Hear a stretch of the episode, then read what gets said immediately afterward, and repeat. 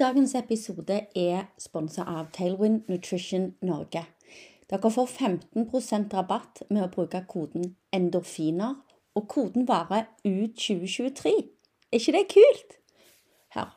Dere må gå inn på Tailwind Nutrition Norge sin hjemmeside og sjekke ut energidrikka deres og restitusjonsdrikka.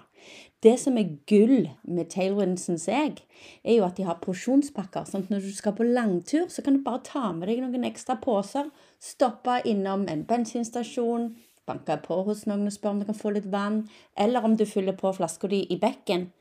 Og så heller du bare porsjonspakken rett oppi flaska, rister litt, og så er den klar til å drikke. Hei og velkommen til Jakte endorfiner. I dag har jeg med meg eh, den første proffe podkast-gjesten. Eh, jeg er litt eh, starstruck, jeg er litt fan, kan vi si. Denne dama, hun, eh, hun er tidligere proff basehopper, modell, bistandsarbeider, og jobber nå som mental trener, coach og terapeut. Og hun surfer. Så dette er en sånn nesten Californian girl med det blonde håret og det hele. Nå. Eh, noen har gjerne klart å gjette det allerede, men det er iallfall Anniken Binds. Velkommen! Du, tusen takk for en veldig, veldig hyggelig intro. og du, du, sa jo dette med det blonde håret. Jeg så, jeg så, på noen bilder av meg i dag som er for noen år tilbake siden, og da var håret mitt mye mørkere. Eh, og, men det er akkurat som du sier, jeg har surfet så mye i det siste at håret bare Det er veldig lyst på toppen, og så er det skikkelig mørkt under. ja, jeg så det bildet du la ut av eh, deg og datteren din, var det det? Yes. Ja, så jeg tenkte der er du jo nesten like brun som i håret som meg. Så jeg er egentlig ganske brun, men, eh, men mange timer i solen, det tar knekken på deg. Yes, det, det er sant. Jeg turte. Eh, jeg liker å gå ut av komfortsonen eh, og spørre om du ville være gjest i min podkast. Eh, og det er jo egentlig først og fremst fordi at du er ei tøff dame. Du liker å være i aktivitet. Du gjør ikke det som alle andre jeg kjenner. Jeg har truffet én basehopper før i mitt liv. Jeg har hoppet i tandem fallskjerm én gang og syns det var noe av det kuleste jeg har vært med på. Så liksom bare det at du har holdt på med å kaste deg ut i lufta sånn så mye, gjorde at jeg hadde veldig lyst til å prate med deg. Men så var det òg da at du la ut et innlegg eller en story på Instagram det at du hadde eh, fått nakkeproblemer nå i sommer. Og da eh, plutselig blir ting satt litt på vent, og så er det sånn Hvem er vi hvis vi ikke kan gjøre hva vi vil, når vi vil?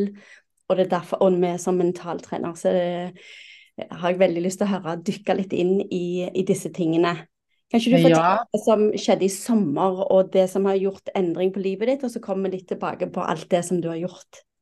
Ja, så det her er det jo mye å, å, å dypdykke i, da. Men i sommer så var vi på Dro vi til eh, Maui, Hawaii, og skulle være der en måned. Eh, og en av de første dagene jeg var der Vi dro dit for å surfe, selvfølgelig. En av de første dagene så begynte fingrene å bli numne, og hendene.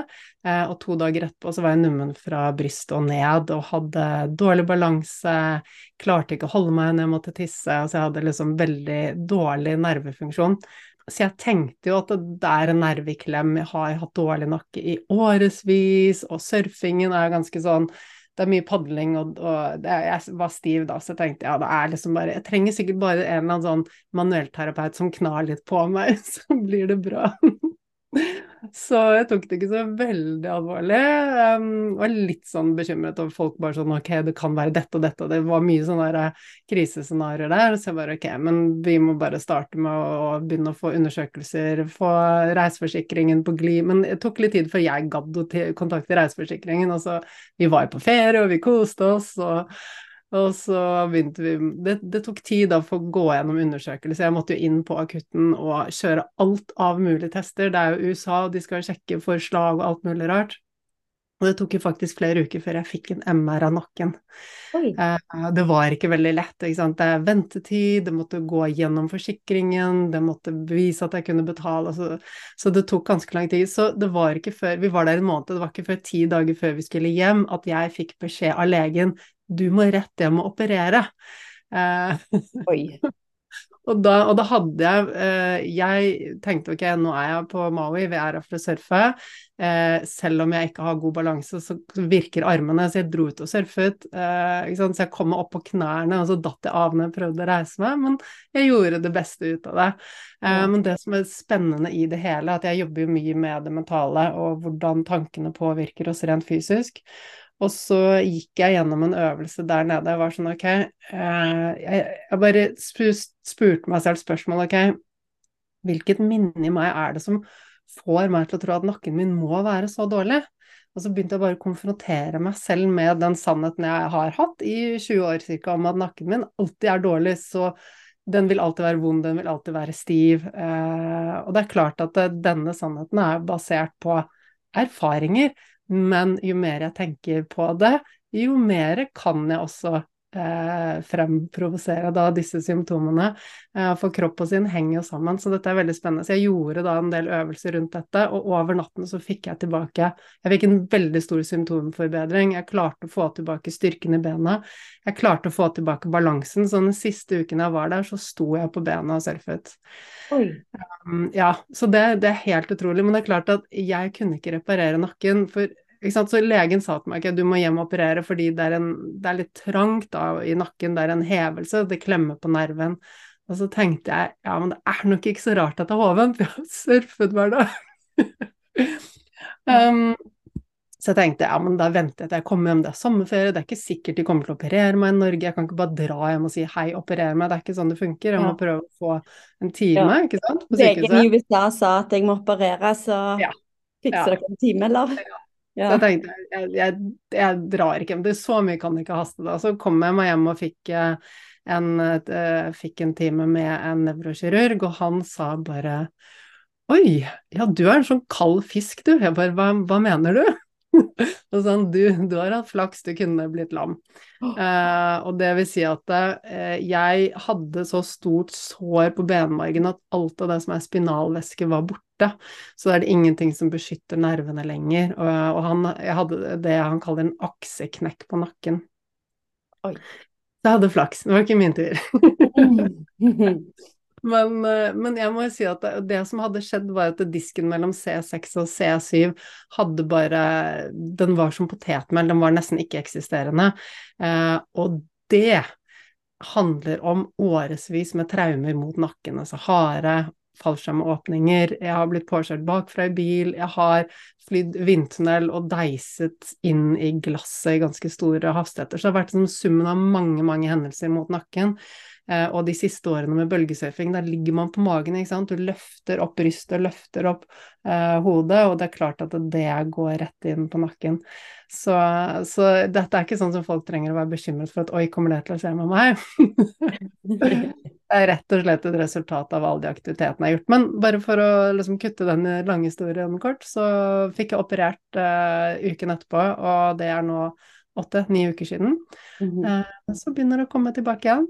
Ja, herligheten. Men bare det der eh, Jeg tenker på at det må ha vært så du, du har liksom vært avslappa, for du har gjort dine mentale øvelser, og du har liksom så mange verktøy. Var reisefølget ditt eh, like rolig? Ja, godt spørsmål. De var jo det fordi at det har noe med at når jeg tar det rolig, så påvirker jeg de også. Uh, men jeg hadde veldig mange andre rundt meg som var bekymret. Uh, men jeg er kanskje litt naiv, og kanskje litt sånn det ordner seg. He's in denial, ja. ja. Jeg trodde ikke at det var så ille, egentlig.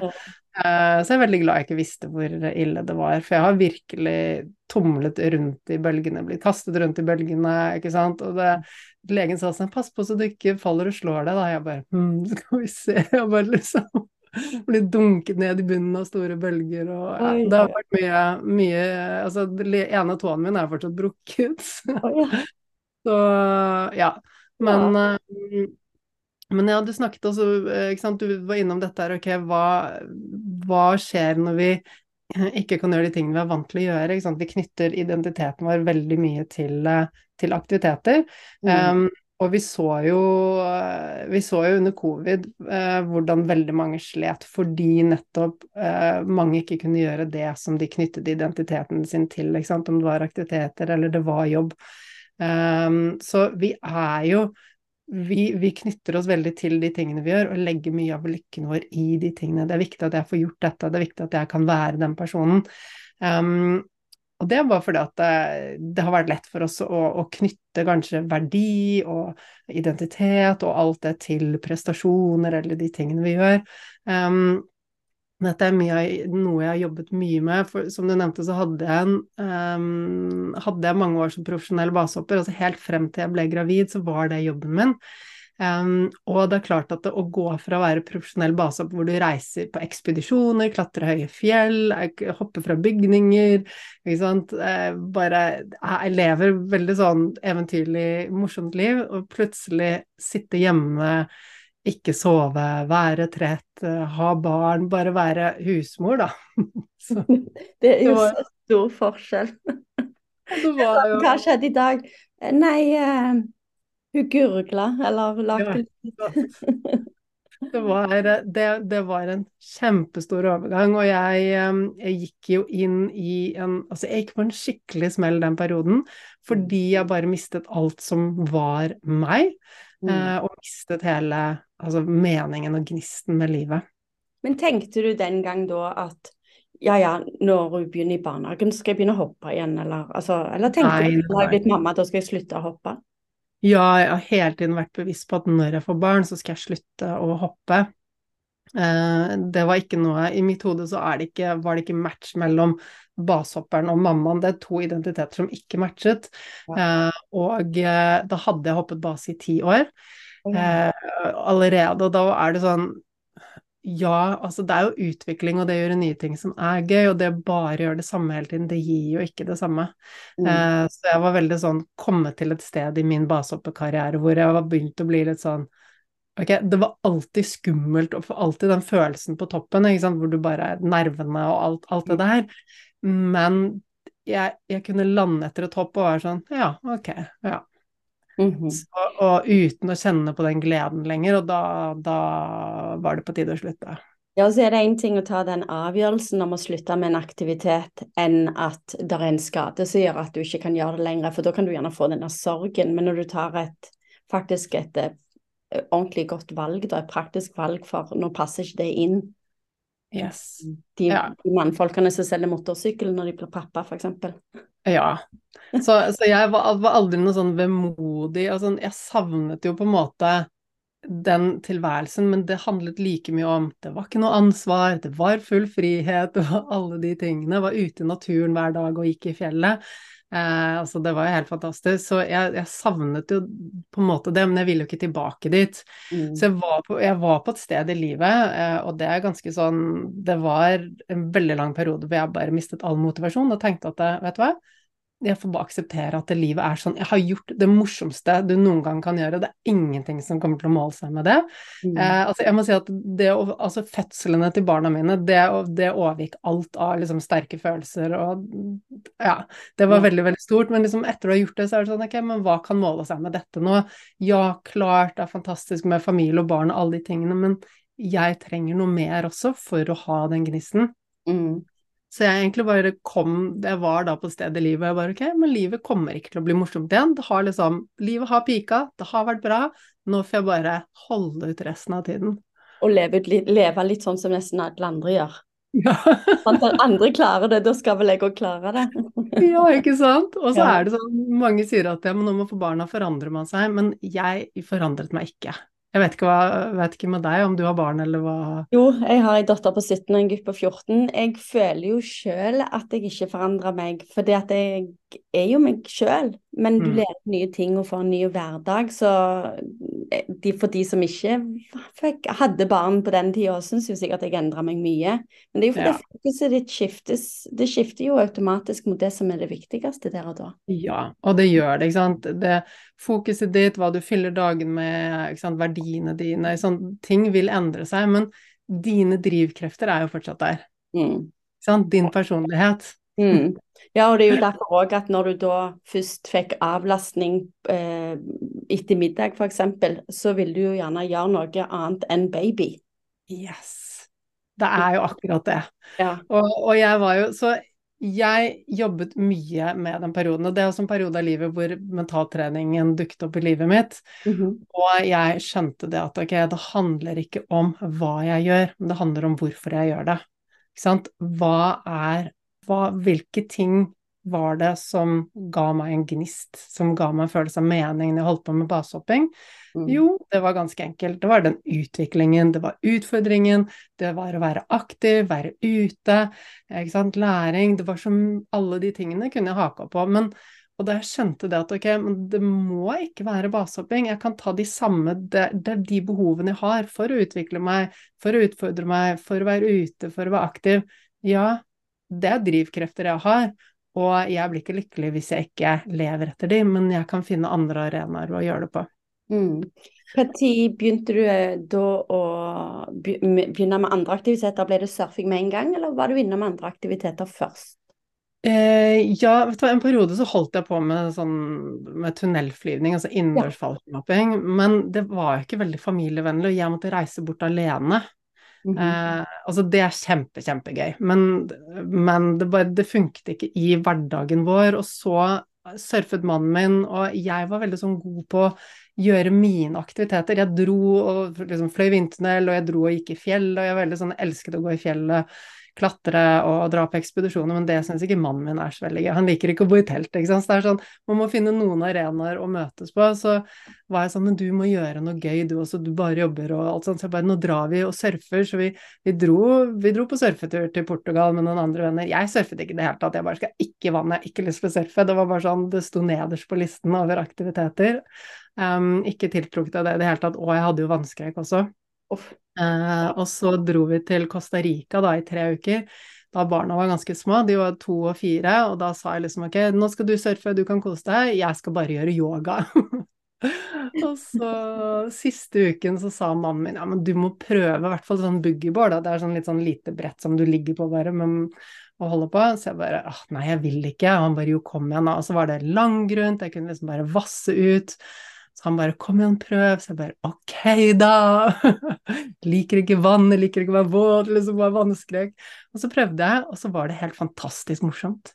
Og du likte det fra første stund? Ja, altså, men det var bare sånn, det er sånn boogieboard, ikke sant, sånn som barna ja. leker på. Så jeg la meg på den og bare wii, fikk fart inn. Jeg bare oi, det var jo gøy. Og så, og så leide vi et litt sånn nybegynnerbrett til meg, og da var det sånn grunn til jeg kunne liksom vasse ut og stå med vann til livet og bare vente på bølgen. Og så hadde jeg da den siste uken fikk jeg helt sånn å herregud, dette var gøy. Ja, for jeg er litt uh, skeptisk til vann sjøl. Uh, ja. altså jeg har lært meg å crawle fordi jeg har vært med på triatloner og sånn, for, eller jeg ble påmeldt. Men, men, bare sånn når du er i Spania og, eller på ferie uansett, og jeg har vært på Hawaii òg, og da liksom du har lyst på store bølger og venter på neste store bølge som du kan liksom bare bære på, men samtidig så er jeg pissredd. Ja. Jeg har jo ikke kontroll. Mm. Men hvis det mm. var langgrunn, så kunne du gjerne hjelpe litt på det der, da, at du det var, Ja, ja. Ikke sant. Det var fullstendig følelse av kontroll. Det var ikke noe skummelt. Jeg sto liksom ja. bare med vann til livet og sto på, på, på, bunnen og ventet til liksom, det hvite skummet kom, da, helt på nybegynnerstadiet. Men jeg syntes det var kjempegøy. Og dagen før vi skulle hjem, så leide jeg en instruktør, da. Mannen min måtte sitte på stranden med barna, så jeg leide en instruktør. Og hun tok meg med ut da, på de, der hvor de liksom virkelig bølgene bryter. Um, og jeg husker jeg var så livredd. Jeg satt der på utsiden av der bølgene bryter, og så bølgene bare forsvinne inn mot, uh, mot land og bare bryte. Og jeg bare herregud, hva Hvordan i huleste har jeg kommet hit? Og bare hva gjør jeg nå? Jeg bare Jeg er fanget, jeg må jo inn, ikke sant? og da må jeg gjennom de bølgene og bare sånn åh. Uh, men jeg elsker jo den følelsen av hva i huleste gjør jeg her? Den følelsen av å bare Nå sitter jeg så dypt i det, og det er ingen vei utenom annet enn å liksom face det som er skummelt. Så den følelsen liker jeg jo. Det er jo grunnen til at jeg også begynte å surfe. Fordi den tilfredsstiller det behovet jeg har for utvikling, ikke sant, og for læring. Og for å møte det som er skummelt. Fordi jeg mener at vi alle trenger å møte frykt. Um, ja. Det kan jeg si litt mer om etterpå. Men i hvert fall så sendte hun instruktøren meg inn. Hun bare 'Denne bølgen er din'. Og så fikk jeg bølgen, men jeg ble bare så redd at jeg lå bare på brettet og bare Og så bølge nummer to, så turte jeg å reise meg opp. Og jeg husker fortsatt den følelsen. Jeg bare sto der og liksom bare suser innover mot land. Og det er så sterkt at jeg bare begynner å hylgrine. Det er bare så mye følelser, og jeg bare Å, herregud. Og da, da var det ikke noe vei tilbake. Oi, oi, oi. Det, det, nå var det nesten litt sånn at jeg òg har lyst til å prøve. Fordi jeg, altså Hvis jeg kommer i, i, mål på en maraton eller på en triatlon, så, så, griner jeg en skvett fordi at jeg er så stolt for at jeg klarte det. Men det tar jo mye lengre tid enn også, liksom det å reise seg opp på brettet. og de, Det må jo være ja. fantastiske følelser. Det er, det er helt fantastisk. ikke sant? Og det er jo sånn når du løper maraton også, du har pushet deg. ikke sant? Mm. Her også, det var så mye som jeg hadde overvunnet, og bare en sånn forløsning. Og det som er fantastisk, er at det, det var ikke bare den gangen det skjedde, det har skjedd igjen og igjen og igjen, fordi jeg fortsetter å utvikle meg med surfingen. Og mm. plutselig så er det den helt fantastiske bølgen hvor jeg bare står der, og alt klaffer, solen skinner. Ikke sant? Jeg bare suser bortover bølgen og kan liksom se bunnen under meg bare forsvinne. liksom. Vannet er så klart, ikke sant? så du ser jo bunnen mens du surfer bortover. Ikke sant? Så det har vært veldig mange ganger hvor jeg har stått på brett og bare Å, herregud! Og gråter og gråter fordi det er så vanskelig å surfe. Så det er så mye jobbing, da. Uh, og så er det den forløsningen når jeg bare, at ting faller på plass. Det sitter endelig klart av det jeg har øvd på. Mm. Uh, og, og, det er også en av de grunnene til at jeg fortsetter å surfe, er jo det at jeg vet at jeg aldri kommer til å bli verdensmester. Jeg kommer aldri til å bli utlært. jeg kommer alltid til å være livredd. For resten av livet så har jeg en arena hvor jeg kan utvikle meg på og, og bryne meg på, og møte på frykten. Og tilbake til det jeg sa med frykt. Og jeg hadde Jeg snakket med en venn av meg, vi var innom California på vei hjem da, fra Hawaii, og han fyren han bor jo i California på kysten, og han bare Jeg skjønner ikke helt den surfegreia. Liksom, hvorfor er du så ivrig på det, hvorfor holder du på med det? Og så sier jeg bare, vet du hva, jeg trenger surfingen fordi det gjør meg livredd. Og jeg trenger den frykten i livet mitt for å ha det bra, for å kjenne på gnist, men også for både mentalt og fysisk å kunne være i balanse. Mm. Um, og det tror jeg at absolutt alle trenger. Altså jeg merker at alle trenger surfing, men alle trenger å kjenne på frykt i livet sitt. Ikke sant? Og da er det den forskjellen som du også sikkert kjenner på når du pusher deg. Ikke sant? Det er forskjellen på om vi velger de tingene som vi skal møte av frykt eller hardship, altså de tunge tingene, eller om det er bare sånn som livet kaster det mot oss. Eh, og eh, vår hjerne, den er jo Hovedoppgaven, altså hjernen vår, ja, den skal eh, sørge for at vi beveger oss og hjertet slår og sånn, men hovedoppgaven er å holde oss trygge og sørge for at vi overlever. Så hjernen min og din og alle sin hjerne, den vil alltid lete etter det som kan være farlig. Det er liksom den default programvaren. Skanne omgivelsene, finne noe som er farlig. Skanne omgivelsene, finne noe som er farlig. Vi er skapt for å møte det, liksom, det som er skummelt, møte farer, ta i tunge tak, og vi lever i et samfunn hvor det ikke fins noen tunge tak lenger, hvor det ikke fins noe å være redd for. Og hvis vi ikke har noe vi er redd for, så kommer hjernen til å finne det. Mm. Ikke sant? Ja, ja, ja. Innbilles ting. Ja. Når du ja. går i mørket. Ja.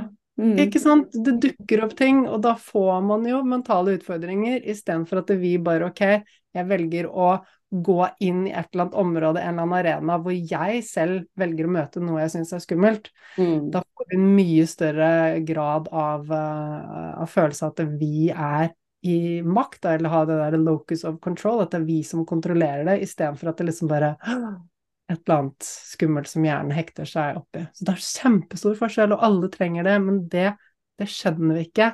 Uh, og dette her skriver jeg mye om. Jeg skriver bok, den kommer ut til neste år. Uh, og dette er ting jeg skriver om der også. Um. Jeg syns det er viktig, viktig, å ha med. Og det er jo dette med at det, fordi verden, for to millioner år siden så var verden den var utrygg, det var knapphet på ressurser, det var et tøft liv. Altså uansett om du prøvde å safe den, så var det et tøft liv, ikke sant? Mm. Eh, og derfor så er vi programmert for å holde oss trygge, holde oss innenfor komfortsonen, ikke sant? Og det mm. var en programmering som funket veldig godt, og det var masse farer. Det, vi ble utsatt for at det, verden var røff, ikke sant. Der det, var det lurt at vi hadde den programmeringen om å holde oss trygg uh, og holde oss innenfor komfortsonen. Men i dag så er det ikke noen farer rundt oss lenger. Vi blir ikke kalde, vi blir ikke slitne, ikke sant. Vi bruker ikke kroppen, vi bruker ikke hodet på riktig måte, da. Og da begynner nervesystemet vårt å krølle seg til. ikke sant? Hjernen vår, den ok, jeg trenger en utfordring, finner ikke en utfordring, jeg trenger en fare, finner ikke det, så begynner hjernen å hekte seg på ting. Eh, og eh, nå vet du at du også er veldig opptatt av liksom, stressbalansen, helse, ikke sant, du har en pulsmåler på armen din. Eh, vi vet jo det at eh, for at vi skal ha et sunt og balansert nervesystem, så må vi utfordre oss. Ja, ikke sant? Ja. Ja. Vi trenger det er kjedelig uten. ja, så Ja. vi trenger å bli kalde, vi trenger å bli slitne. Mm. Um, vi trenger å møte på fare og utfordre oss, men vår programmering gjør at vi holder oss unna det. Men alle mennesker trenger det for å være eh, sunne, både mentalt og fysisk sett. Mm. Ja, for det er jo det med å eh, ta en utfordring på jobben med å gjøre noe som gjerne du aldri har gjort før, og prøve seg på det å strekke de grensene. Eller sånn så jeg som er løpet, da. Eh, så blir det til at du eh, melder deg på et litt vanskeligere løp, om det er et terrengløp istedenfor asfalt, om det er et lengre løp enn det du har gjort før. Det er jo derfor veldig mange pusher de grensene, mens noen da blir igjen på den, eh, komfort, det som blir komfort, og vil heller gjerne fullføre på en raskere tid. Så for Mm. da får de allikevel den der 'kommer jeg til å klare det eller ikke', og jobbe mot det. Mm. Mm. Det er, og det er jo det jeg prøv, har prøvd med den Instagram-kontoen min eh, siden Instagram kom, vel. Har jeg, det har vært så mye fokus på aktivitet og trening, eh, fordi jeg alltid har vært aktive. Men det der med Jeg var på sånn 100 dagers aktivitet. Gjør noe hver dag i 100 dager. Hvem blir med? Og så legger vi ut ett bilde hver dag med en eller annen. Om det er så at du legger deg ned og tar pushups, eller om du eh, går en tur, eller om du løper, eller om du trener styrke. Hva enn. Bare en eller annen liten aktivitet. Eh, prøve å få med mer folk til å, eh, pushe de grensene, eller få eh, en ny vane. Mm. Ja, det var kjempebra. Ja. Men nå med podkasten for å nå enda mer folk. Så Ja. da føler liksom Instagram der bare stoppa det opp. Ja, men altså det er så viktig og så utrolig bra at du gjør det, fordi at vi, vi kan ikke ha det bra mentalt sett eller fysisk sett om vi ikke utfordrer oss. Mm. Eh, og det må vi begynne å skjønne. Eh, Mm. Det funker ikke, vi, vi overlever ikke hvis vi holder oss innenfor komfortsonen hele tiden. De skulle hatt det som eh, skolepensum fra barne, barneskolen. Ja, helt klart. Men det er jo også sånn eh, at vi faktisk er skrudd sammen litt ulikt genetisk sett også. Um, og vi, noen er skrudd sammen sånn at de søker utfordring, mens noen søker mer det å ivareta det trygge, nære, kjente, det vi har her. Mm. Eh, og, og det tror vi handler om at vi har jo stammet ned fra forfedrene våre, der noen var mer de som var hjemme og passet for at alle hadde det godt i stammen, eh, mens noen var de som dro ut og jaktet og emigrerte og fant nye beitemarker. Mm. Så det handler rett og slett om, eh, om hvordan vi har koblet i hjernen. Det handler om eh, dopaminreseptorer, og det er ganske spennende. Eh, og man bruker ut, uttrykket 'highly dopaminergic' om de menneskene som er litt mer sånn ja, sensation seekers.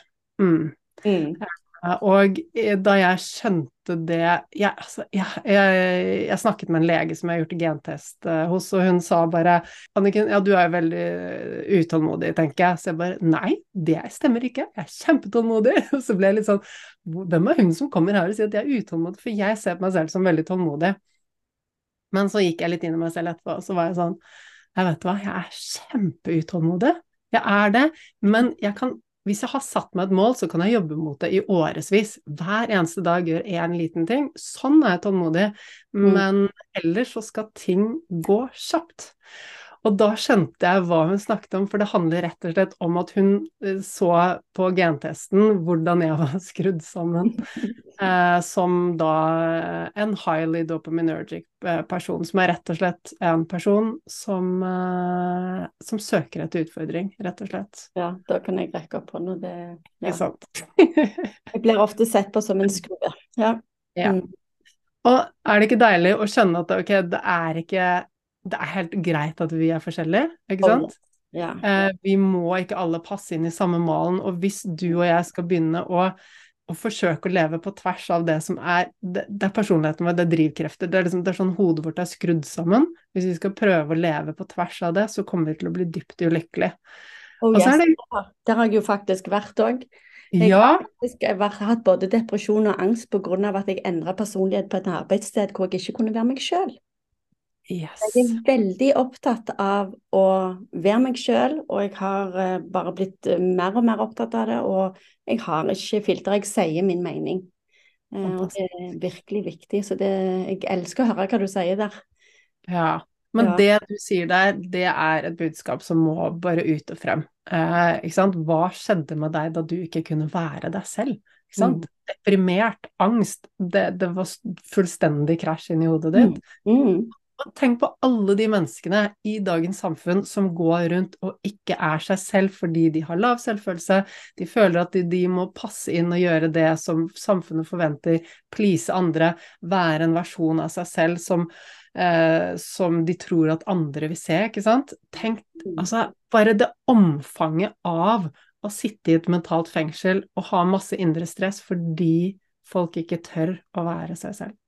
Ja, og at de ikke innser hva som skjer med dem. Mm. Han Mm. ene som jeg hadde i en, eh, gjest, som i, en episode for, noe, for to, to uker siden, han hadde jo gått med angst i 28 år uten å vite hva det var. Oi. Ja. Ikke bra. Sant? Så um, mm. Mm. Nei, det er viktig at vi snakker om også. Det, Ja.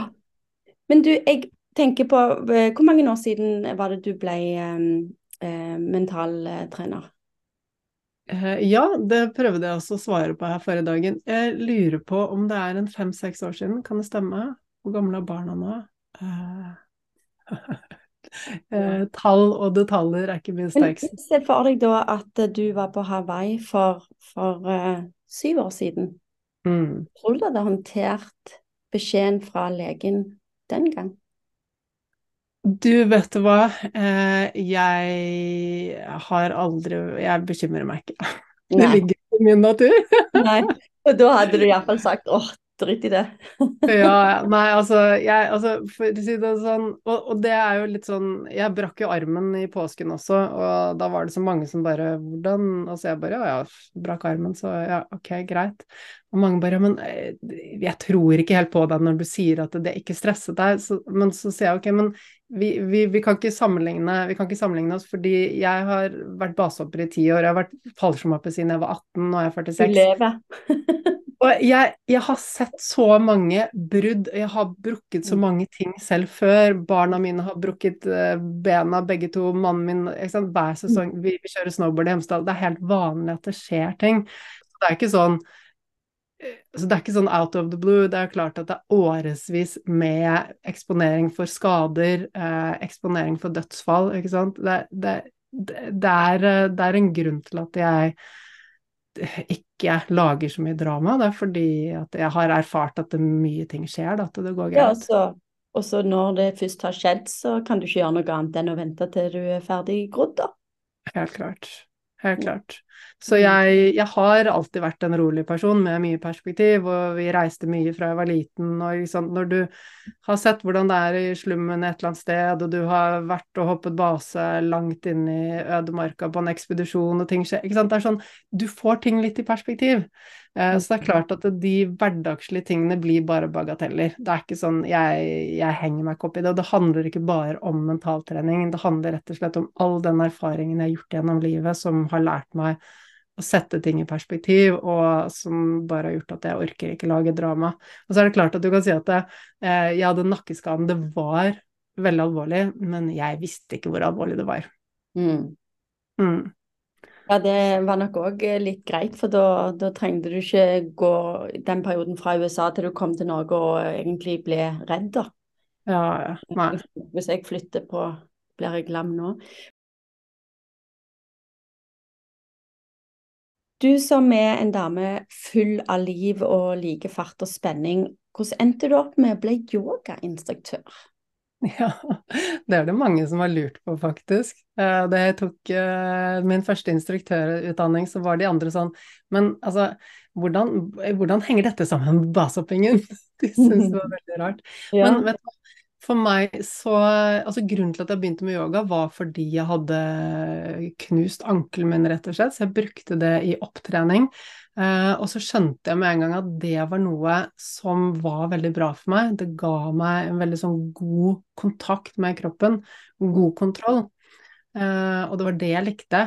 Uh, så, men så er det så sånn Da jeg sant, Da jeg begynte med fallskjermhopping Altså, jeg alltid Det har vært min drivkraft å, å fly, sant, holde på med det. Det har vært det har vært noe jeg alltid har hatt lyst til å gjøre, og, og, som en sånn typisk sensation seeker, da, hvis vi kan putte oss i den kategorien, mm.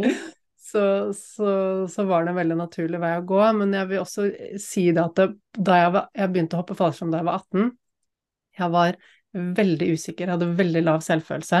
Da hadde jeg jobbet som modell siden jeg var 14, eh, og var eh, ekstremt kritisk til meg selv. Og det er klart at jeg hadde masse sånn tankekjør hvor jeg hele tiden lurte på om jeg var bra nok, er liksom pen nok, tynn nok. Og det fortsatte jo bare å kverne i hodet. Og når jeg hoppet, så var det helt rolig i hodet. Ikke sant? Jeg var helt til stede, og det var de eneste gangene jeg opplevde at jeg var helt i ro. Eh, og Mente du den... om første gangen å hoppe da, egentlig? Hva, mm? hva, hva, var det som gjorde Var du på et oppdrag som gjorde at du hoppa i fallskjerm første gang, eller? Du vet du hva, faktisk, jeg var i speideren.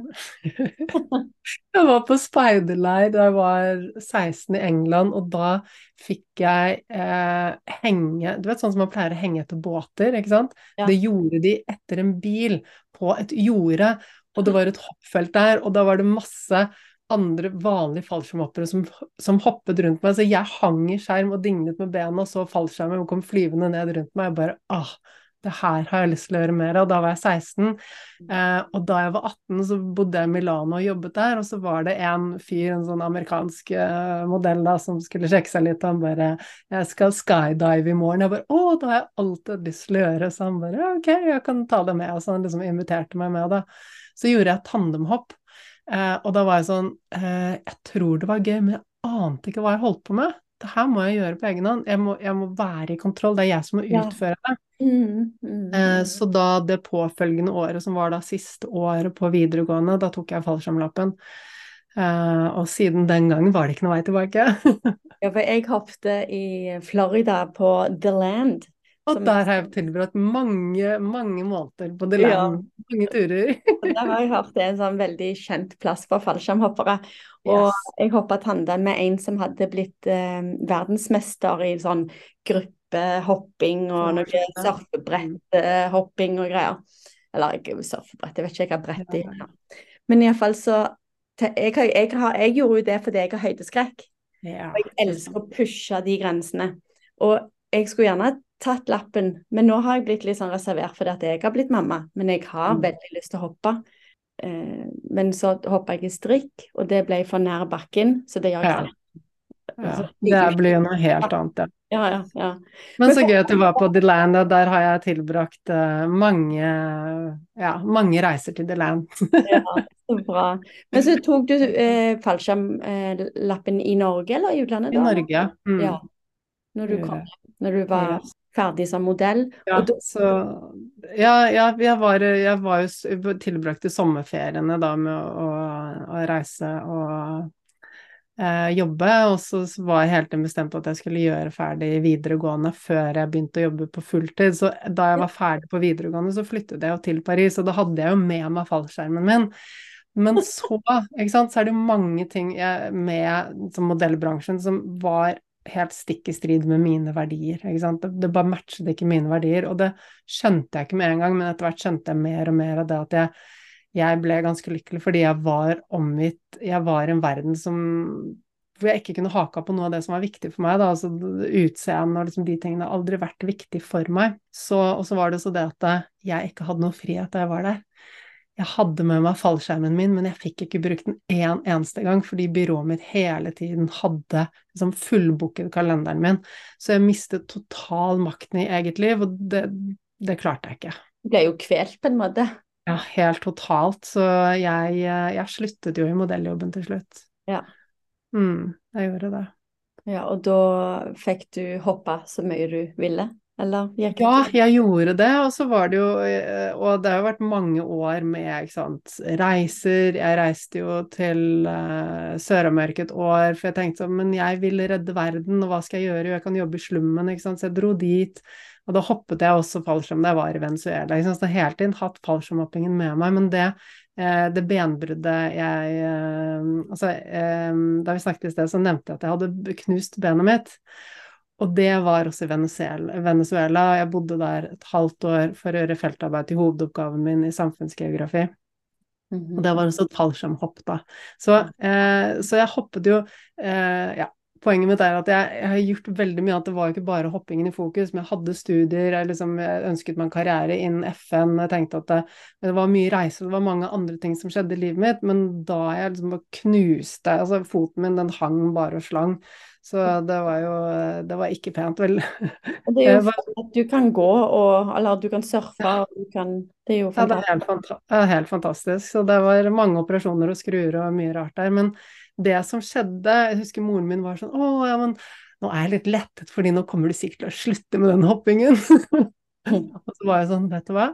Det den ulykken gjorde, var bare å virkelig få meg til å skjønne hvor viktig hoppingen var i livet mitt. Så etter det begynte jeg å prioritere det mer. Og så ble du proff basehopper. Ja, det var det. Hvordan havna du inn på det? Du, helt, helt naturlig utvikling når man bor i Norge, tenker jeg. Eh, da jeg begynte å hoppe fallskjerm, så var jeg sånn basehopping, det er galskap, det skal jeg i hvert fall aldri gjøre.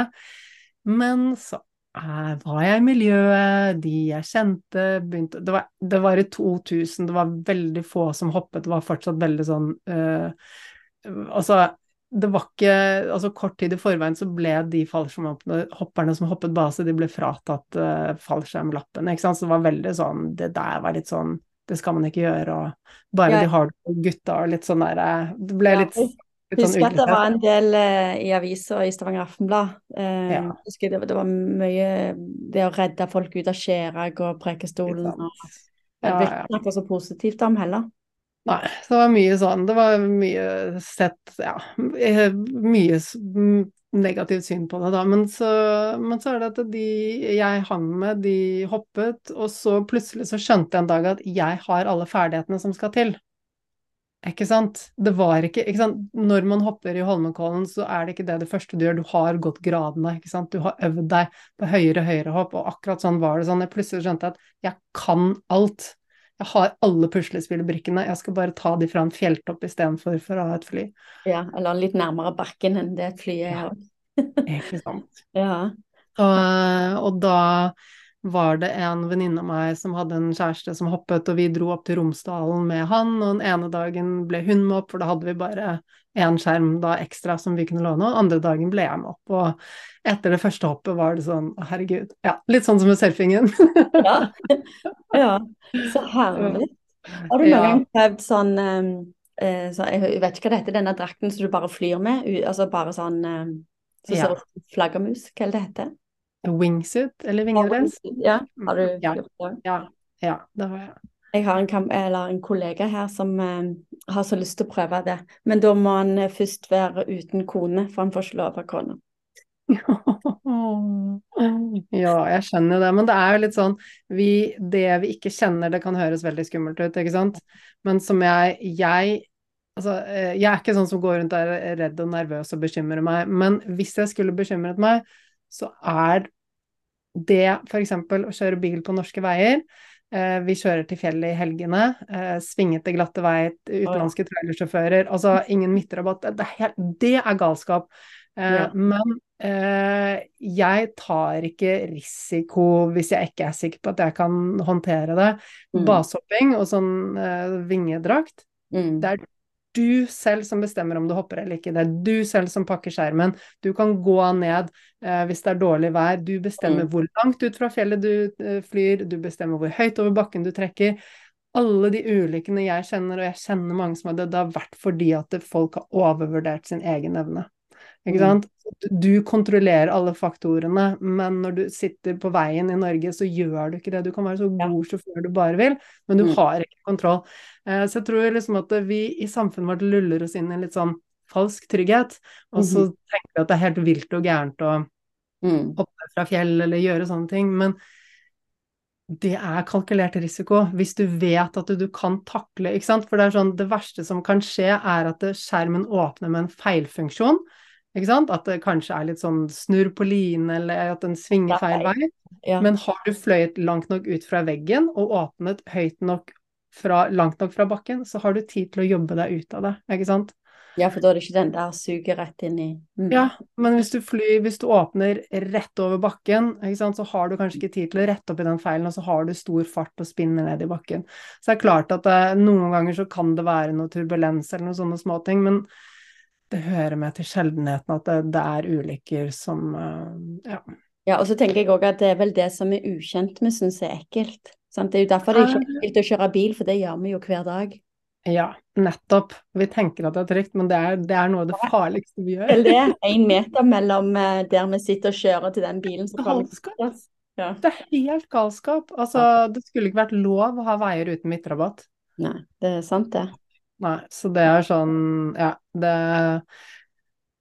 Ja, det er sånne tanker som jeg Jeg lar ikke de spinne rundt i hodet, men det å kjøre til fjells eh, med barna i bilen og sånn, jeg syns ikke det er behagelig. Det er risiko, rett og slett. Ja. Jeg måtte ringe politiet på søndag når vi kjørte hjem fra høstferien, for det var en, eh, en eh, norsk transportselskap med en tankbil som kjørte forbi biler i svinger mellom. Nesbyen og Bromma. Da måtte jeg ringe politiet. Ja, det- det er. Og så ringte jeg til firmaet, for det har jo reklame bakpå. Ja, bra. Ja. Det er bra du gjorde det. Ja. Ja. Jeg håper virkelig at han eh, ble fratatt nøkkelen, altså. Og mista, eller jeg håper han mista jobben og mista sertifikatet. Fy søren, altså. Jeg håper han ble tatt på fersken, og, eller at ingen ble skada, da. Ja. Men du, jeg, jeg tenkte på en annen ting med mm, det med trening, og du som jobber eller, altså mentaltrener, og det der med å, å endre tankene våre og endre Ja, og du, og dette, også, dette må jeg bare slenge inn. Jeg har en veldig uhøytidelig podkast, For jeg har nemlig skrevet inn noe viktig om det med din podkast. Og det er, for de som ikke har hørt eh, eh, Level Up, som podkasten til Anniken, eh, Anniken heter, så starter du hver episode med dette. Det er alltid mulig å ha det bedre og få mer ut av livet. Med riktig kunnskap og gode verktøy så kan du ta livet ditt til neste nivå. Level Up er podkasten for deg som vil ha mer glede, mer energi, mer overskudd, motivasjon og mening, og rett og slett ha et bedre liv. Yes. Bare starten din der, sånn, den luller meg inn og bare Yes, jeg er klar for å lære. Og det var så fint å høre deg lese den. Det er, eh, det er så lenge siden jeg spilte den inn, og når du sier det, så bare treffer det så godt. Jeg bare Yes, akkurat det jeg vil. Ja, og da, det som jeg tenker eh, jeg hadde lyst til å snakke med deg om, er jo det med å lage oss nye vaner. Det der mm. å gjøre de endringene som vi har lyst til å gjøre for å få et bedre liv. Eh, mitt motto på ungdomsskolen var lev livet mens du har det, gjør alt én gang, så slipper du å angre. Mm. Det ble forkorta med en tatovering som sier 'lev livet'. Men eh, for de som eh, eventuelt hører på, eller kjenner noen som sier at de har lyst til å begynne å trene, uansett hva type aktivitet det er, eh, de starter og slutter. Starter og slutter. Hva, hva råd eh, Eller hva bør de tenke? Hva, hva, hva endringer må de gjøre for at det skal liksom sitte? Mm. Det, det, det, er jo et, eh, det er jo mange ting vi kan gjøre, og det er jo et litt stort spørsmål, fordi det Mm. handler om mye, men jeg skal prøve å legge det frem på en enkel, forståelig måte. Um, så det som er, er at det, de tingene vi gjør, de er definert av identiteten vår. Da er vi tilbake på identitet. Det er den måten du eh, ser på deg selv, det du tenker at du er.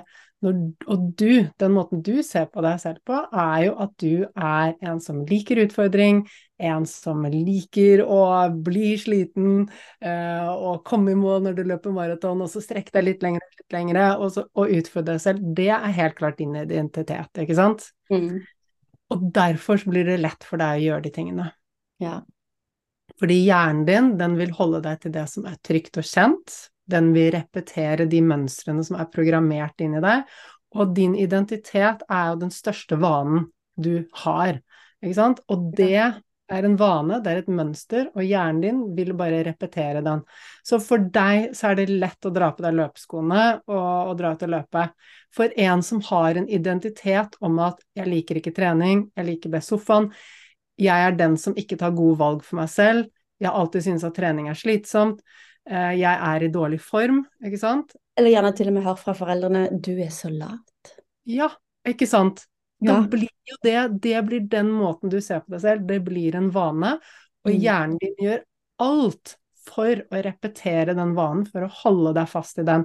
Så når du da, hvis, hvis din inni deg så er det programmert din identitet om at du er lat, du liker best sofaen, du er i dårlig form, og så er det alle de der eh, sannhetene om at det er slitsomt å løpe eller trene, og det er ubehagelig og, og bla, bla, bla. Og så, eh, ikke sant, og, legge, og kanskje det at jeg føler meg dum når jeg går på treningssenteret, og alle andre er så bedre, og så har vi en lang rekke av mange ting der. Mm. Eh, Hvis det er den måten du ser på deg selv, da, ikke sant, og du sier likevel at nei, men jeg skal, i morgen skal jeg ut og løpe, så vil hele ditt system prøve å få deg fra å gjøre det. Og, og det er underbevisstheten din sin Mm. oppgave å drive deg mot å repetere mønstre. Og hva er mønsteret? Jeg er lat. Hva er mønsteret? Jeg er i dårlig form, jeg liker ved sofaen, jeg tar ikke gode valg for meg selv. Og når du kan matche identiteten din, så får du gode følelser. Og når du skal prøve å gjøre noe som går på tvers av identiteten din, så setter underbevisstheten i gang en stressrespons. Det er ubehag. Mm. Og du kan helt klart overstyre det ubehaget. Da trenger du viljestyrke. Og det er klart at eh, du kan bruke viljestyrke. Noen har mer viljestyrke enn andre, men det er enorme mengder friksjon. Det er ekstremt energikrevende å overstyre de følelsene. Følelsene overvinner alt, det er sterkere enn alt annet. Så når du skal pushe forbi følelsene dine, så krever det enormt mye energi. Og kanskje du klarer det én gang, kanskje du klarer det to ganger, men på et eller annet tidspunkt vil underbevisstheten din lure deg til de tingene som, er, som matcher din identitet, dine vaner. Ja. Og da føler du kanskje at du har feilet fordi du ikke gikk ut og løpte, du ble bare lurt inn igjen til liksom, Netflix og potetgull eller hva det nå er, du ble lurt dit, og plutselig så, så Ja, men jeg hadde bestemt meg for å løpe, og så blir du kanskje deppa på deg selv, begynner å kritisere deg selv. Og så må vi også eh, skjønne at er hjernen din, som jeg sa tidligere, at hjernen din skal holde deg trygg. Det gjør den jo ved å holde deg til det som er trygt. Um, alt det som er forbundet med uh, stress, det kan være farlig. Mm. Og hjernen din vil ha deg bort fra det. Så hvis du har, bare sånn helt rent hypotetisk, din identitet er at du ikke liker å løpe, at du helst at du er lat og du har dårlig form og helst liker sofaen, ikke sant. Mm. Eh, og så klarer du kanskje å puste en eller to ganger å løpe, men tredje gangen så, så går det ikke, ikke sant. Og du blir skuffet, og du kritiserer deg selv. Når du kritiserer deg selv, så setter det i gang stressresponsen. Og da lærer hjernen din at, vet du hva, løping, det betyr stress, det vil si det er fare, og da er det enda vanskeligere neste gang du skal løpe, fordi da skal du ikke bare pushe forbi den vanen, den identiteten din, de følelsene men du skal i tillegg pushe forbi det at hjernen nå har lært at det er farlig å løpe fordi den har knyttet en stressrespons til det. Og sånn har vi det gående. Så når folk prøver å endre vanene med å bruke viljestyrke, som man fortsatt tror at man må gjøre den dag i dag, så får jeg bare vondt langt inni meg, fordi det er oppskriften på å feile, det å ha det vondt. Og hvis vi skal klare å endre vaner, så er vi nødt til å endre hvordan vi ser på selv og identiteten vår. Og så vil det være lett. Mm Ja, for Mm. da er det gjerne derfor at eh, de som jeg vet om som har prøvd å bli aktive, at det går så veldig lang tid mellom de prøver den ene gangen til den andre gangen. Mm. Fordi at da vil de bare ha avstand. Og det er gjerne òg derfor vi sier 'tren med en venn', for da er det lettere å si nei. Yes. Ja. Ja. Ja, men det, og det her er, det er bare viktig at vi tar med oss. Det liksom, du, du ser jo, ikke sant, og når folk er sånn 'Å, jeg burde, jeg må, jeg burde trene', ikke sant. Ordene 'må', 'burde' øh, og 'skulle', det dreper motivasjonen. Ja. Ja. Det, det ødelegger motivasjonen fordi Hvorfor? Jo, fordi du får en følelse at du ikke har øh, At det er tvang, ikke sant. Alt som er tvang, det er umotiverende. Men når det er du selv som velger, da blir det motiverende. Så det er sånne små hacks man kan gjøre, men det viktigste, viktigste er å gjøre en omprogrammering av hvordan vi ser på oss selv, av identiteten vår. Eh, og dette er jo ting jeg jobber mye med når jeg jobber én til én og når jeg holder kurs og sånn. Men, eh, og det er klart at eh, jeg bruker hypnose i liksom noen tilfeller, så, det jo, så, så sitter disse vanene eller uvanene ganske godt. Men alle kan komme i gang med å endre identiteten. Og det mm. handler rett og slett bare om å bli bevisst på hva vi sier til oss selv. Ja hva vi, hva vi, tenker om oss selv, og begynne å sette spørsmålstegn ved det. ikke sant? Hvis ja. den som lytter er vant til å tenke at eh, jeg er sånn som alltid gjør sånn og sånn og sånn, sett et spørsmålstegn ved det. Er det egentlig sant? Kan jeg tenke på en annen måte? Og så skal du se at det veldig mye kan endres bare med å begynne å bli bevisst og stille spørsmålstegn. Ja, for da begynner du liksom sånn Ok, nå hadde jeg den tanken igjen, men er det mm. virkelig sant? Ja, for mm. da liksom du tviler på deg selv, eller du virkelig tenker jeg nå tviler jeg på meg sjøl. Mm. Ja. Mm. Åh, så mm. herlig. Jeg skulle Det er spennende. ja, det er det. Er det. Altså, så er det, så enkelt, det, er så, det er så enkelt og logisk. Jeg håper at du skjønner det, og de som lytter, skjønner ja. at det? Underbevisstheten vår, den, den er så sterk. Den driver oss til å bare repetere de mønstrene som er programmert inn der, og det gjør den ved å bruke språket følelser. Mm. Følelser er det sterkeste. Og vi alle, selv om noen sier sånn ja, men jeg er ikke så veldig sånn følelsesmessig menneske, følelsesmessig av meg, alle styres av følelser. Alt vi gjør, styres av følelser. Når du går ut og løper maraton, så er det følelsene som styrer deg. ikke sant? Så alt mm. vi gjør, er styrt av følelser. Vi har bare litt forskjellig måte å gjøre det på. Og vi må rett og slett lære oss å få følelsene til å styre oss i den retningen vi vil, istedenfor å tro at vi kan overvinne de, overkjøre de og bruke viljestyrke. Altså viljestyrke, det er, det er helt old school. Ikke bare legg det bort. Altså, noen tilfeller, ja, så må vi hente frem litt disiplin. Når jeg skriver bok, så må jeg sånn hente frem litt disiplin, for det, det er hardt arbeid. Mm. Men de færreste tingene jeg gjør, krever noe særlig. Jeg, jeg, pusher meg ikke. Jeg koser meg med alt jeg gjør. Det er gøy fordi mm. jeg har endret på hvordan jeg ser på tingene. Hvis jeg skal sette meg ned og skrive, så sier jeg ikke sånn 'Å, det er så kjedelig å sitte inne og skrive'. Da sier jeg sånn 'Jeg vil skrive, jeg blir så glad når jeg blir ferdig med boken'. Så begynner jeg å snakke om de gode fordelene, de gode følelsene det gir meg når jeg sitter ned og skriver. Mm. Det er så eh, Jeg tar jo og legger om alt til løping og løp, jeg nå. Jeg er jo helt uh, ikke ja, Men jeg, jeg, er så glad i å være i aktivitet. Mm. Uh, og jeg bare tenker på um, f.eks. Uh, et um, halvmaraton som jeg var med på i år. Vi var veldig mange som var med på som jeg kjenner, da. Og alle de sier at den eneste som koste seg på det løpet, det var meg. Fordi jeg hadde ikke eh, mål om å ha ny personlig rekord jeg skulle kose meg. Det var en del bakker, det var en del bruer. Eh, og alle de andre var veldig på det der, skulle ha ny personlig rekord. Eh, gikk for det og bare De tyna seg, og de var så sterke. De var sterke i hodet for å, å, å, ikke gi seg, men de hadde ikke en kjekk opplevelse. Mm. Så jeg var bare mm. sånn Jeg skal bare kose meg, jeg skal bare kose meg. Og så fullførte jeg jo samme distansen. Men jeg, ja, og da det gikk eh, lettere. Ja, men det er, noe, det er noe med det, altså hva vi tenker om tingene har alt å si for, for hvordan det påvirker oss. Mm. Eh, og tilbake til det du liksom spurte om dette med liksom, det som skjedde i sommer med nakken. Ja. Eh, og det er klart at jeg har gjennom årevis med erfaring begynt å, å, å, se mer konstruktivt på tingene, da. Ikke sant. Jeg, jeg, jeg hisser meg ikke opp over småting. Eh, men det er likevel en veldig stor kraft i det, og det er klart at jeg har blitt mye bedre på det etter at jeg lærte mentaltrening, for det er det det alt handler om. Det mm. handler ikke om hva du gjør, eller hvor du får til, hva du får til, altså hvilke mål du øh, kommer til, hva som skjer. Det er ikke det det handler om, det handler om hvordan du velger å se på de tingene som skjer i livet ditt. Eh, du kan oppleve masse, masse, masse, masse motgang, det kan knekke deg, eller du kan velge å se på det på en konstruktiv måte.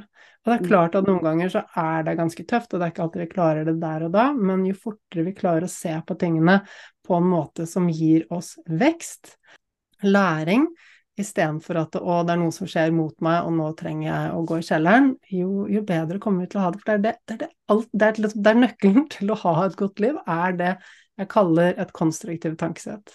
Ja. Jeg syns alle skal få level up-podkasten på sånn blå resept, holdt på å si. Altså, Yes. Enig. ja. Den, eh, den boka du skriver, kommer den ut på nyår, eller er vet du noe Ja, sånt? Ja. du, i utgangspunktet skulle vi ha den ut 15. april, men jeg ligger litt bak skjema. ja, ja. Du har jo bare nesten blitt lam. Så da jeg begynte å skrive boken, så brakk jeg armen. Oh, ja. Og så opererte jeg nakken og skulle være sykemeldt i seks uker. Eh, eh, så jeg skal møte med redaktøren min i morgen. Den kommer på vårparten. Mm. Kommer før sommeren. Ja, Mm, det og det Ja. Den eh, Jeg gleder meg til den kommer. Det er en bok om motivasjon. Det er en bok om hvordan leve et liv som du syns er latterlig morsomt. Ja, ikke sant. Ja, nei, vi lever bare en gang, så vi må jo gjøre det beste ut av det. Herlighet. Ja. Men jeg, em, du la ut noen videoer for ikke eller nå i helg eller i høstferien, i hvert fall om noe surfing, men var det nå, eller var det Ja. Yes, det var det. surfe på høsten? ja. Ja. Vi, eh, jeg, vi har jo en sånn båt som vi surfer bak. Mm. En uh, wakesurfbåt heter det. ja. Og, uh, og det er jo min favoritthobby. Uh, veldig lettvint. Vi bor rett ved siden av båten, og det er så lett å bare stikke ut og gjøre det. Mm. Um, men det er klart at da jeg opererte nakken, jeg kommer hjem fra Hawaii, opererte nakken, og så sa legen du må vente i hvert fall seks uker før du gjør noe av typen kontaktsport. Og først var jeg litt sånn kjekk og grei, bare nei, herregud, det ordner seg. Men så, vet du hva, den, den Altså, nakkeoperasjonen var et mye større inngrep enn jeg egentlig tenkte. Eh, og det har krevd mye restitusjon, og så har det vært masse læring. Så jeg eh, ventet jo til det hadde gått og da syv uker eller noe nå. Og da dro jeg ut og surfet. Så forrige uke var jeg ute fire ganger og surfet. Ja, men Det er vanskelig. Da, da er det vanskelig å være tålmodig, men du vet du må for å kunne Ja. da ha det kjekkere framover. Det er litt sånn jeg tråkker over eller har ja, akilles og hamstring og det hele, så må du Hvis du skal ha det gøy seinere, så må du ta det med ro en periode. Det er det. Skynde seg sakte, sånn at kroppen får, eh, får Altså, den kroppen er jo ikke ferdig restituert ennå. Det er jo veldig hovent i nakken, det er masse Så musklene i nakken og skuldrene de spenner seg jo veldig for å beskytte operasjonsstedet. Mm. Uh, Så det er klart at det, det, det tar tid, men, uh, men jeg kom meg ut og surfet, og så var det sånn Da jeg sto på brettet, så var det sånn Å, herregud, jeg følte meg jo helt som Bambi. Altså, jeg har fortsatt ikke helt følelsen i bena igjen, så det er litt sånn Det er litt som å ha bomull i bena.